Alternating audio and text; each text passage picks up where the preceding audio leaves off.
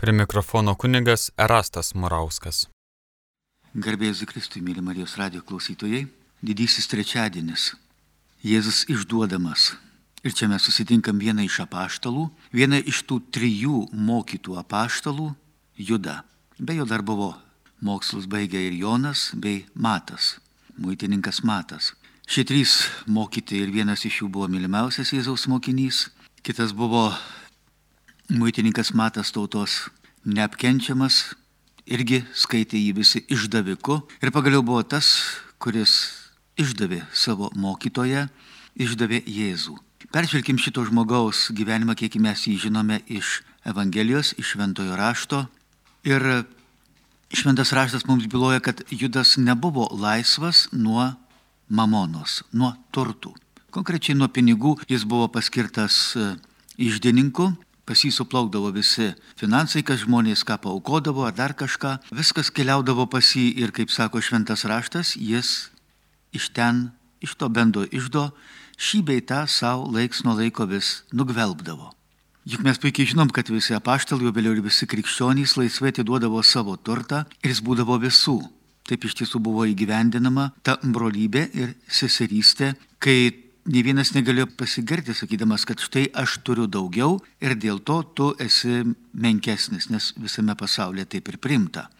Juk turtas, tavo užimama padėtis, tavo titulai, galų galę tavo kilmė, tai ir reiškia tave. Krikščionybei ne. Krikščionybėje mes matom visai ką kitą. Juk kaip sako žmonės, žiūrėk, sako, įkapės kišenių neturi. Nieko į amžinybę neišsineši iš šio pasaulio materialaus nebent gali įsinešti tik tais tai, ką atiduodi į vargšų rankas. Vat jie tavo turtus gali pernešti. Tu pats savo turtų nieko į amžinybę neperneši. Tiesiog reikia neapsigauti. Neapsigauti.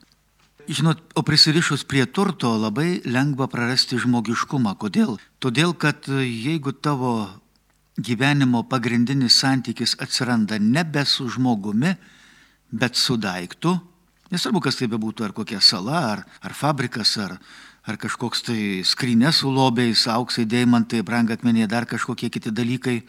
Tu prarandi e, tai, kas tave išskiria iš viso kito pasaulio, tu prarandi santyki, kuris iš tiesų ir padaro tave žmogumi. Nes kai Dievas sukūrė žmogų, jis pasakė, žmogui būti vienam negerai. Ir jam reikia kito žmogaus, kad jis galėtų suvokti save, kas jis toks yra. Ir jeigu tik tais kito žmogaus nėra, be abejo, žmogaus protas tada labai greitai nukeliauja į kur į, į gyvulišką būseną ir kartais net ir dar blogiau. Paprastai pasakius, žmogus tada išprotėja, jam verkiant reikia kito žmogaus. Netgi kūdikiai gimė, jeigu ilgesnį laiką kelias paras nemato priešai save žmogaus veido, na, mato, pavyzdžiui, tenai gimdymo namuose lubas.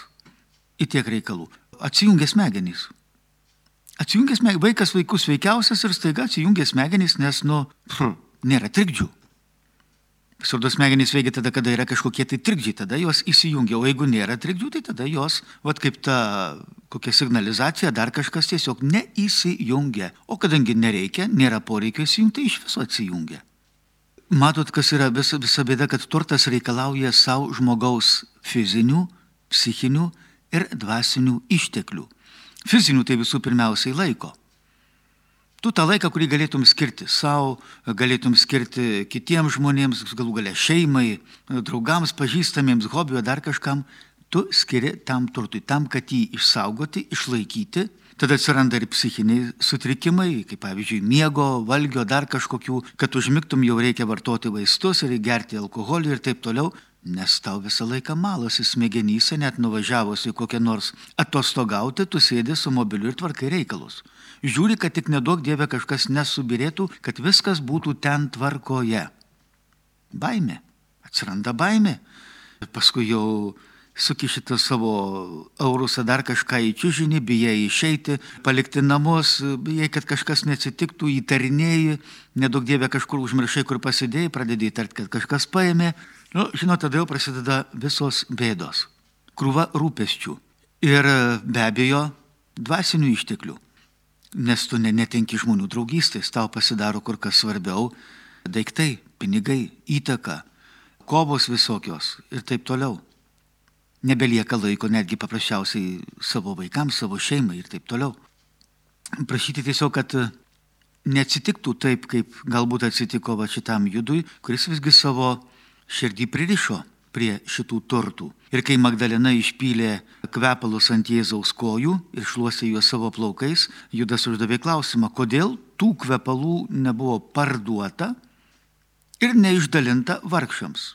Kaip šventas raštas sako, jis tai sakė ne dėl to, kad jam būtų rūpėję tie vargšai, jų gyvenimo skurdus buvimas, jų šaltis, jų alkis ar dar kažkas, ne. Vien dėl to, kad tie pinigai būtų suplaukę į jo kasaris, būtų kažkaip juos panaudojęs kam, nežinia. Žinau, paskui, kai jau užvaldo pinigai, tada jau tampi nebelaisvas. Ir tada kažką parduoti, save ar kažką kitą, jau pasidaro tada paprasta. Ir Jėzus parduodamas už 30 sidabrinių, jis ateina pas aukštuosius kunigus ir sako, ką duosit, jeigu jums jį įduosiu. Arba kitaip sakytumėm, parduosiu. Tie pasiūlo 30 sidabrinų, tai buvo tuo metu vergo kaina. Tie kainuodavo vergas. Ir žinot, žmonės, nereikia taip jau čia galvot, kad jau judas vienintelis žmonės istorija, kuris šitaip negražiai pasielgė. Žmonės parduoda vieni kitus, o kas sovietmečių taip nebuvo, norėdami užvaldytis kaimyno trobas, žemės, gyvulius ar dar kažką, ar kokias tenai agregatus, įskusdavo. Parduodavo tuos žmonės tiesiog vat, už tai.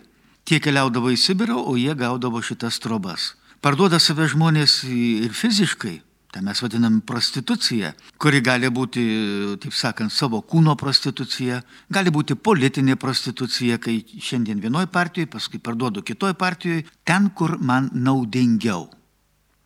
Gali būti ir žurnalistinė prostitucija, pavyzdžiui, dabar visos Rusijos laikraščiai žurnalai daugiau mažiau stumia tai, ką jiem pasako kas pasako valdžia. Ar jie nežino tiesos? Aišku, kad žino. Ir mes puikiai žinom, kad e, žurnalistai daugiausiai uždirba ne iš tų straipsnių, kuriuos parašo, bet iš tų, kuriuos, e, iš tuos, kurie paskelbiami. Ne iš tų, bet iš tų, kurie yra nepaskelbiami. Bet sužinojau informaciją, surašiau, atnešu kokiam verslininkui dar kažkam pakišu, nori, kad tai atsidurtų spaudoje arba babkės. Ir tik ne jie, tai taip daugybė daro žmonių. Parduoda Azijos šalyse, parduoda savo vaikus į sekso vergyją ir palyginus nebrangiai. Taip jau yra, kad 21 amžius šitas žmogaus proto, logikos, šviesos, įsilavinimo, evoliucijos ir visoks kitoks amžius, o vergo kaina yra mažesnė, jinai tiesiog krito. Už 30 sidabrinių dabar gali nusipirkti jau nebe vieną vergą. Baisu, ar ne? Taip yra, kodėl? Tiesiog Dievo nėra.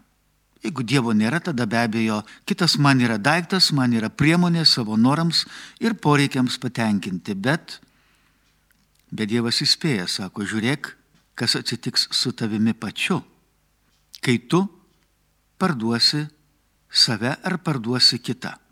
Ir išdavystės drama štai kokia yra. Laisvė ir Dievo atvaizdą pats sugriaunu savyje, pats save nurašau į skaičių Turėjau vardą, buvau žmogus ir staiga pasiradau daiktas. Ar kas nors gerbė išdaviką? Puikiai žinom, kad niekas. Jeigu mane išdavė kažkas kitas arba atėmė iš manęs laisvę, atėmė iš manęs e, titulą, kažkokį, nu, buvau ten kažkokios garsios giminės, grafas ar dar kažkas atėmė iš manęs. Atėmė mano padėtį visuomenėje, atėmė iš manęs turtus, atėmė sveikatą ar dar kažkas. Nu ir kas? Visa šita mirtis iš manęs taip pat taip atims. Bet aš išlikau žmogumi.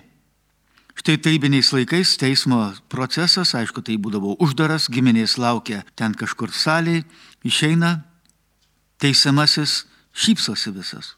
Sako, tai ką, negi paleido? Ne, sakė, davė 20 metų Sibiro. Tai sako, ko tu džiaugiesi? Bet aš išlikau žmogumi. Jie manęs nenurašė. Jie manęs nepavertė daiktų, kuriuo paskui galėtų manipuliuoti. Aš galbūt ten ir supūsiu Sibirė, bet supūsiu kaip žmogus. Aš savęs nenurašiau. O išduodamas, tu pats save nurašai, tu pats save paverti išdaviku, kurio jau aišku negerbs nei tie, kuriuos tu išdavėjai, nei tiems, kuriems ta išdavystė buvo naudinga. Puikiai šitą žinom iš žmonijos istorijos. Tu pas save nurašėjai į daiktą, o galbūt netgi ir žemiau. Kitaip sakant, tapai vergu savo noru, nes tu ir mirdama žinosi ką, aš išdavikas, aš išdaviau. Aš nurašiau save kaip asmenį, save kaip asmenybę, save kaip žmogų, kuris turėjo būti iš didžiosios raidės. Ar apie tokį dalyką svajojo būdamas kažkada jaunas? Galbūt vaikystėje, paauglystėje, kad tu būsi išdavikas? Tikrai ne. Aš manau, kad ne vienam iš mūsų kažkada teko kažką išduoti. Vienai par kitaip, ar draugystę, ar dar kažką. Ir žinom tą šlykštų jausmą esantį savyje. Tada ką darai stengiasi atsiprašyti, susitaikyti, pripažinti, išpažinti, kad tik tais vėl galėtum atgauti laisvę. Tikrai to žodžio prasme kiekviena nuodėmė mūsų gyvenime yra ne kažkas kita kaip išdavystė. Išdavystė kieno? Jėzaus. Nesutirštinant spalvų galim pasakyti, kad, kaip ir sakiau, kad kartai žmogus gali išduoti iš baimės, gali išduoti iš silpnos valios, gali išduoti iš auklybos, nes tiesiog, nu, jam taip išaiškino, kad čia niekas nesvarbu. Savigarba ar dar kažkas, tai čia orumas žmogaus, čia nesvarbu. Svarbu, kad tau būtų naudinga. Eik per visų galvas, įlys kur papuola, išduok, ką tik tais nori, viską. Svarbu, kad tik tais tau būtų nauda, tau būtų gerai. Be abejo, tai melas. Tai melas, nes jeigu tu išduodi, žinau, kad labai greitai įteisinės išdavystę ir pats greitai būsi išduotas. Taip jau gyvenime yra tai, kad tu įteisini, tai ir įsiteisina ir tavo atžvilgiu. Ir Dievas labai dažnai veikia kaip veidrodis. Tik ką nors nuteisk, jau žiūrėk ir pats būsi lygiai taip pat tuo pačiu teisiamas. Tik padaryk kitam žmogui blogą, žiūrėk jau tau tas blogis grįžo. Tik išduok kažką, žiūrėk jau ir tave išdavė. Žinoma, galima puikiai suprasti, kad, pavyzdžiui, kažkoks įbaugintas žmogus, nu jis tikrai iš baimės gali, jeigu jis bus nes silpnas, jis tikrai gali imti ir išduoti. Pavyzdžiui, vaikai labai greitai, čia kaip teisėja viena pažįstama technikos 12 nepilnamečių kolonija sako, vaikai greit išduoda. Jie greit išpasakoja, greit, nes tiesiog paprasčiausiai bijo. Baimė sukausto. Netgi ir tėvelis Simaška arba, pažiūrėjau, silpna valia. Amžinatelis į tėvelis Simaška, Šiluvos patriarchas, sakė, kai buvo ten jau kankindavo jie šitie saugumiečiai, Tai sako kaip, sako, kol tenai bado, laužo, ten visą kitą, skausmą sako, dėl gali atlaikyti, bet kai susilpnina tavo valią, o jie kaip daro tą, neleidžia tau miegoti. Ir žinot, tada jau važiuoja smegenys. Va tada jau važiuoja smegenys. Ir tada tu atrodo viską išpasakosi, tik palikit mane ramybėje, leiskit man atsijungti, miegot. Viskas ir sako tada, ačiū Dievui, kad nu, yra jisai, yra Dievas. Sako, tada yra malda ir tu jauti, kaip vėl sustiprėjai, vėl atlaikai šitą išbandymą. Galbūt, kai mes esam gyvenime iš tiesų labai spaudžiami, reikia nepamiršti šito ir visada šauktis Dievo pagalbos. Jis ateis. Jis padės mums, kad kartais neišduotumėm savęs, neišduotumėm tai, ką mes iš tiesų vertinam, neišduotumėm savo artimųjų, savo idealų, tai, ko iš tiesų esame, tai ant ko mes savo gyvenime stovime prisimenu Viktoro Hugo, vargdienius, tą žmogų, kuris pasitikėjo prancūzų revoliucija, konvento narį ir kuris paskui atsiskyręs gyveno ir pas jį ateina ten tas monsinjoras, kalbėdamasis ir prieš to konvento nario mirtį. Ir tas žmogus skundžiasi, sako, aš tikėjausi, kad jie bus ištikimi tiems idealams, kuriuos mes su savo revoliucija skelbėm, bet pasirodo, Ne, jie visą tai išdavė. Išdavė, paskui vieni kitiem galvą sukapojo, paskui su buržuazija vėl sudarė sandėrius ir visa kita. O jis sako, aš iš tiesų gyvenau tais idealais. Ir žinom ten tą momentą, kai tas kunigas, tas monsinjoras prieš jį atsiklaupė ir prašo jo palaiminimo, nors iš tikrųjų atėjo jo atgailos sulaukti, bet pamatė, kad tas žmogus yra savo širdyje šventas. Jis nieko neišdavė. Tačiau turėtumėm suprasti, kad kalbant apie šitą išdavystę, apie judo išdavystę ir jo tragediją, visa jo tragedija slypi jo nemeilėje. Visų pirmiausiai savo, o paskui ir Jėzui. Kaip tai suprasti? O suprasti reikia šitaip. Žiūrėkit, mes turim Petrą, pirmąjį popiežių ir Judą, kurio vardas tapo tiesiog, na, mažybiniu ir tapo sinonimu. Tu Judas, iš karto visiems aišku, kad kalba eina apie išdavystę. Tu Hamas, Nojaus sūnus, vadinasi tas, kuris gali pasielgti nepadoriai. Tas, kuris nepadoriai elgesi. Ir taip toliau, ir taip toliau. Daug yra tų vardų, kurie tapo paskui jau mažybiniais ir nusakydavo jau kaip tiesiog būdvardiniais. Ir štai Petras, pirmasis popiežius, jis kągi padaro? Jis išsigina Jėzaus viešai ir tai padaro tris kartus. Judas irgi parduoda Jėzų už 30 sidabrinių. Manau, kad čia iš tiesų tikrai to žodžio prasme, ko gero, lygiagrečiai, kol kas jie eina lygiagrečiai. Ir tas švansas, ir tas voločius. Einam toliau. Ką mes turim? Gailisi. Petras gailisi, apsiverkia ir pabėga. Ar Judas nesigaili? Gailisi. Gailisi, paima tuos pinigus, kuriuos gavo, nubėga pas juos ir prisipažįsta, išpažįsta savo kaltę, sako, aš kaltas, aš išdaviau nekaltą kraują. Atiduoda tuos pinigus, meta tiems aukštiesiems kunigams, seniūnams, rašto aiškintojams. Lygiagrečiai, kol kas viskas eina lygiagrečiai. Tačiau kas vyksta toliau? Petras visgi pasitikė Jėzaus meilę. Juk į jį Jėzus pažvelgė jo veidą matė ir tada suprato, jis, kaip jis žiauriai pasielgė. Ir Judas pamatė Jėzaus veidą, kai ten alybų sodė Jėzus pasakė, Judai, juk tu savo pabiučiavimu mane išduodi. Širdis buvo aišku perkeista. Ir vieno, ir kito, ir Petro, ir Judo. Tik visas skirtumas, kad Petras priėmė ir tikėjosi Jėzaus atleidimo. Jo santykis su Jėzumi visgi buvo stiprus. O štai Judas puikiai žinom, kad šito Jėzaus atleidimo nepriėmė. Nepriėmė ir apsisprendė nutraukti savo gyvenimą. O taip ir mūsų gyvenime nebūna. O dar ir kaip būna. Ir žinai, čia yra piktosios dvasios pagrindinis ginklas. Pirmiausia, žmogų įstumti į nuodėmę, sugundyti, suvedžioti, apgauti. O paskui ką daryti? O paskui prikaišioti jam.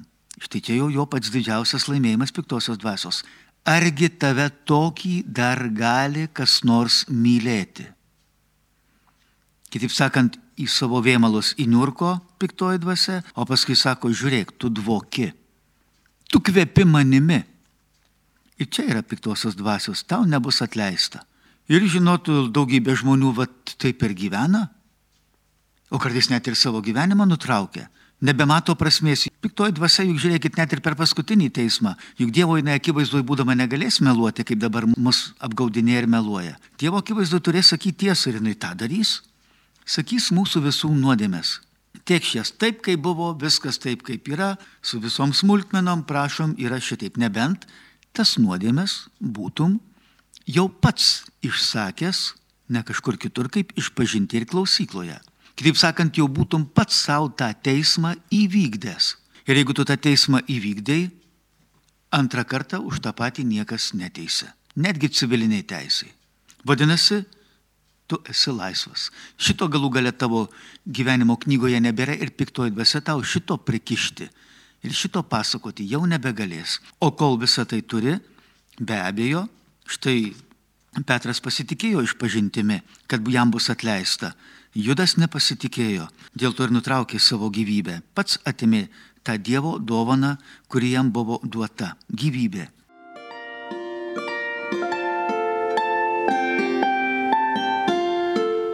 Jūs girdite Marijos radiją.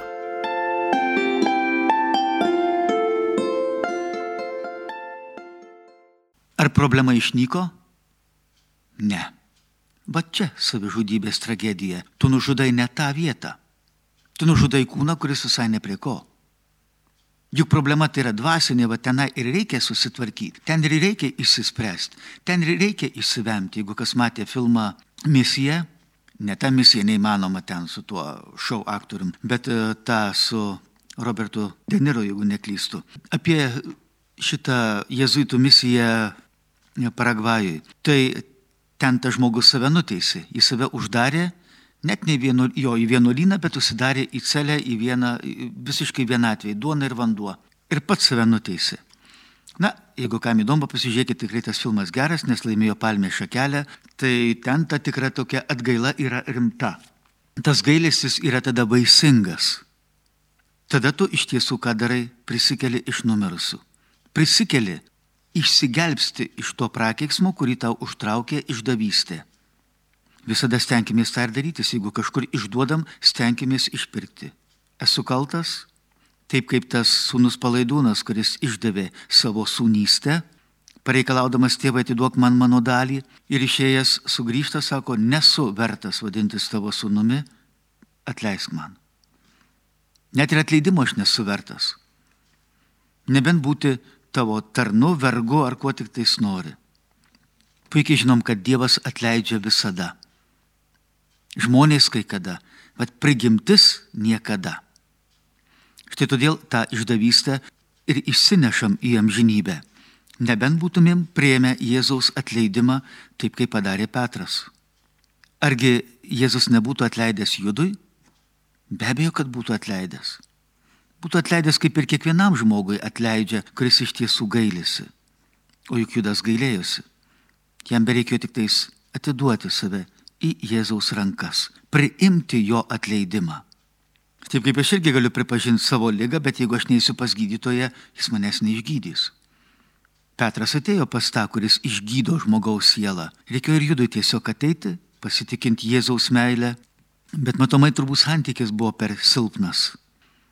Galbūt ne visiškai pasitikėjo, galbūt judo planai nesutapo su Jėzaus planais, dėl to jis ir išdavė Jėzų.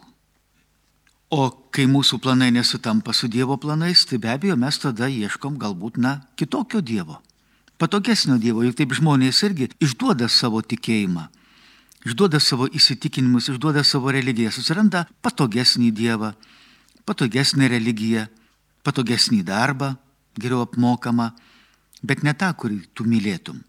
Žmogus sugeba išduoti save, netgi išduoda savo talentus ir renkasi nebe tai, kas tau iš tiesų būtų džiaugsmas darbą, bet darbą tokį, kuris duotų didžiausią pelną ir paskui vaikšto visą gyvenimą nelaimingas. Ar apsimoka? Ne. Neapsimoka. Nes, žinot, Dievas yra reiklus. Jis reikalauja reikalauja ir kažką dar draudžia, neleidžia kažko daryti, panašiai galbūt kaip mokytojas arba treneris arba mano šeimos gydytojas, o bet aš galiu susirasti patogesnį trenerį, patogesnį mokytoją, patogesnį gydytoją, kuris man, pavyzdžiui, apendicitas, o jis sakys, tai nieko, ketanovo išgerk, zelionką pasitepk ir viskas puiku, jie gerai, nieko tokio. Nu ne, man reikia tokio gydytojo, kuris paimtų ir sakytų, pjaunam, bo mirsi. Štai Dievas irgi iš mus lygiai taip pat auklė, sako, žiūrėk žmogau, tai yra blogis. Puikybė, pavydas, kerštas, godumas, gašlumas, ar dar kažkas, šitie dalykai yra greuna tavo gyvenimą. Fiziologija, psichika ir tavo dvasia. Atima iš tavęs gyvybę, džiaugsmą, kūrybą, nuostabą, ramybę, pasitikėjimą, draugystę, viską atima. Neapsimoka žmogau. Šitie dalykai tiesiog tau neapsimoka. Tai ne mano kaprizas. Tau tiesiog tai neapsimoka. Neleisk, kad piktoji dvasia tave suklaidintų. Neišduok pats savęs. Kaip pirmieji tėvai, nepasitikėjo Dievu. Išdavė. Išdavė savo ištikimybę, savo pasitikėjimą. Dievo pasitikėjo piktąją dvasę, kuri paprasčiausiai juos paėmė ir apgavo. Ir juos paverdė kuo? Vergais. Ta vergystė mes irgi jaučiame netgi savo sanajuose, kaip papaštas Paulius sako, aš jau nebedarau tai, ką noriu. Norėčiau daryti gerą, nenorėčiau daryti blogą, bet gaunasi atvirkščiai. Tai, ko neapkenčiu, ko nenoriu, imu ir padarau. Arba to, ko trokštų, žiūrėk, imu ir nesugebu, ir neprisiverčiu, ir nepadarau. Ir čia mūsų Dievas įspėja švento Rapolo Arnaiso barono žodžiais, sako, žiūrėk žmogau, Tik nesiskūsk, kad šventumas yra per sunku, kad ištikimybė yra per sunku. Ir šitas šventasis taip sako. Mes neįgyjame darybių ne dėl to, kad tai yra sunku ar per sunku, bet dėl to, kad nenorime. Neturim kantrybės, nes nenorim. Neturim saikingumo, nes nenorim. Neturim skaistumo dėl tos pačios priežasties. Jei viso to norėtumėm, būtumėm šventi. Kur kas sunkiau būti inžinierium, nes turi mokytis matematikos, mechanikos, braižybos, visokių ten daugybė informatikos ir visokių kitokių dalykų, kokius penkis metus mažiausiai. Šventu, kad taptum, Tau nereikia šitiek daug. Tau reikia tiesiog priimti Dievo dvasę, kuri tave ir padaro šventu, perkeičia, atnaujina, renovuoja, restauruoja, taip kaip šventame rašte ir parašyta apokalipsai, štai aš darau visą naują. Nauja. Lietuvių kalboje vienas žodis, graikų kalboje du žodžiai. Neos, visiškai nauja, visiškai kita ir kainos. Tas pats, bet perkeista. Taip kaip panašiai paėmė anglies gabalą ir deimantą, cheminė formulė ta pati, karbonijum, bet molekulinė struktūra kita. Ir štai tada vertė visai kitokia, kur anglies gabalo, o kur deimanto gabalo. Visiškai kas kita. Taip ir Dievas perkeičia mus, jis padaro mus šventais ir tai yra ne mūsų nuopelnas, bet Dievo nuopelnas, na, o mūsų leidimas, mūsų bendrystė. Tas tiesie tavo valia, kurį sakė visi šventieji, kurį sakė Marija, netgi ir Jėzus sakė, kad ir kaip jam buvo sunku, žmogiškai, psichiškai buvo sunku iš tiesų Getsemanė sode priimti tą kančią, tą siaubą, kuris jau ateina. Bet jis sakė visgi te esi viešpatie tavo valia. Ir Dievas davė tos stiprybės, kad atlaikė, kad ištvėrė. Argi būtų išlaikęs be. Atlaikysim ir mes. Ir toliau tęsė šitas šventasis rapolas, sako, o kad tik turėtumėm tikėjimą, vidinį gyvenimą, dvasinį gyvenimą, maldos gyvenimą, Dieve tai atrodo turėtų būti taip sunku, Ne, anaip tol. Reikia tik pašalinti iš savo širdies visus trikdžius ir joje atrasi Dievą. Taip kaip Augustinas sakė, aš Dievę tavęs kažkur ieškoju, pasirodo, tu buvai manyje. Štai ir visas darbas. Labai dažnai mes ieškome to, ko nėra ir priešingai nematome lobio, kuris yra mumyse. Kitiem pavydim kažkokių talentų, gabumų, o net neieškom. Dieve, o ką tu į mane įdėjai? Juk tu mane sukūrėjai kaip nuostabų, kaip unikalų, kaip šedevrą. Ar galėčiau Dievę pamatyti, kaip kaip tas šedevras veikia iš tikrųjų, kaip norėčiau Dievę, kad vat, būtų tavo valia mano gyvenimą, kad pamatyčiau, ką tu čia tokio nuostabaus mane esi įdėjęs. Ir tada tas šventasis sako, Dievą nešiojame savo viduje, tik ten jo ir ieškokim, sugrįžkim į save, į tą savo originalą, kurį Dievas sukūrė. Pažvelk į savo menkumą, pažvelk į šito pasaulio menkumą, stokis po kryžiumi ir jei būsi atviras, susitiksi Dievą. Susitiksi Dievą kiekvienas žmogus, kuris iš širdies šaukėsi, iš savo silpnumo, iš savo negalios, iš savo, savo gyvenimo tragedijos, ar dar kažko šaukėsi Dievo, jį susitiko. Bet tai turi ateiti iš širdies gelmių. Iš galbūt visiškos nevilties, iš galbūt visiškos tragedijos, iš visiškos siaubo dar kažko. Aš manau, kad galbūt ne vienas savo gyvenime ir esam tą patyrę. Ir tada prasideda stebuklai, nes kai ateina Dievas, tada ateina visai kita tvarka. Nebe šito pasaulio tvarka, bet pirminė visatos tvarka, kai Dievas sukūrė šitą visatą, pasakė, tai yra gerai, tai yra tobula, tai yra nuostabu. Jeigu mano gyvenime nėra tobula, nėra nuostabu, tai vadinasi, įsibrovusi nuodėmės bakterija, virusas, kuris viską greuna.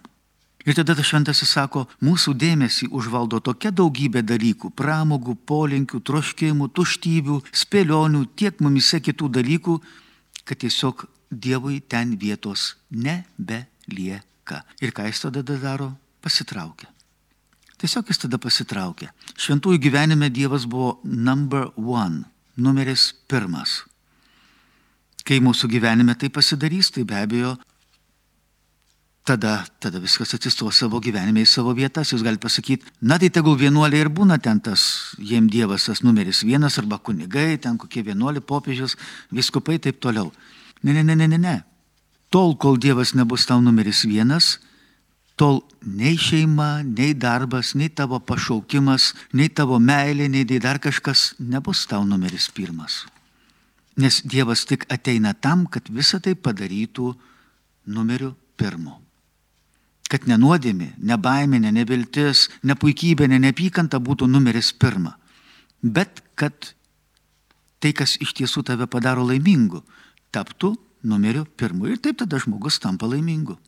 Prašykim, kad kartais neapsigautumėm, kad iš savo gyvenimo tašės mestumėm kibienį fenį, visokį ten šlamštą, puikybę, pavydą, neapykantą, kerštą, pagėbą, nuoskaudas, ar dar kažką, visą kitą godumą, šykštumą ir visus kitus dalykus, bet kad ten atsirastų vietos Dievui, kuris tada į tą tašę pradės krauti tai, kas reikalinga. Nežinot, čia kaip kartais, jeigu pradedi pats gydytis, tai valgai visokių šlamštą. vaistus.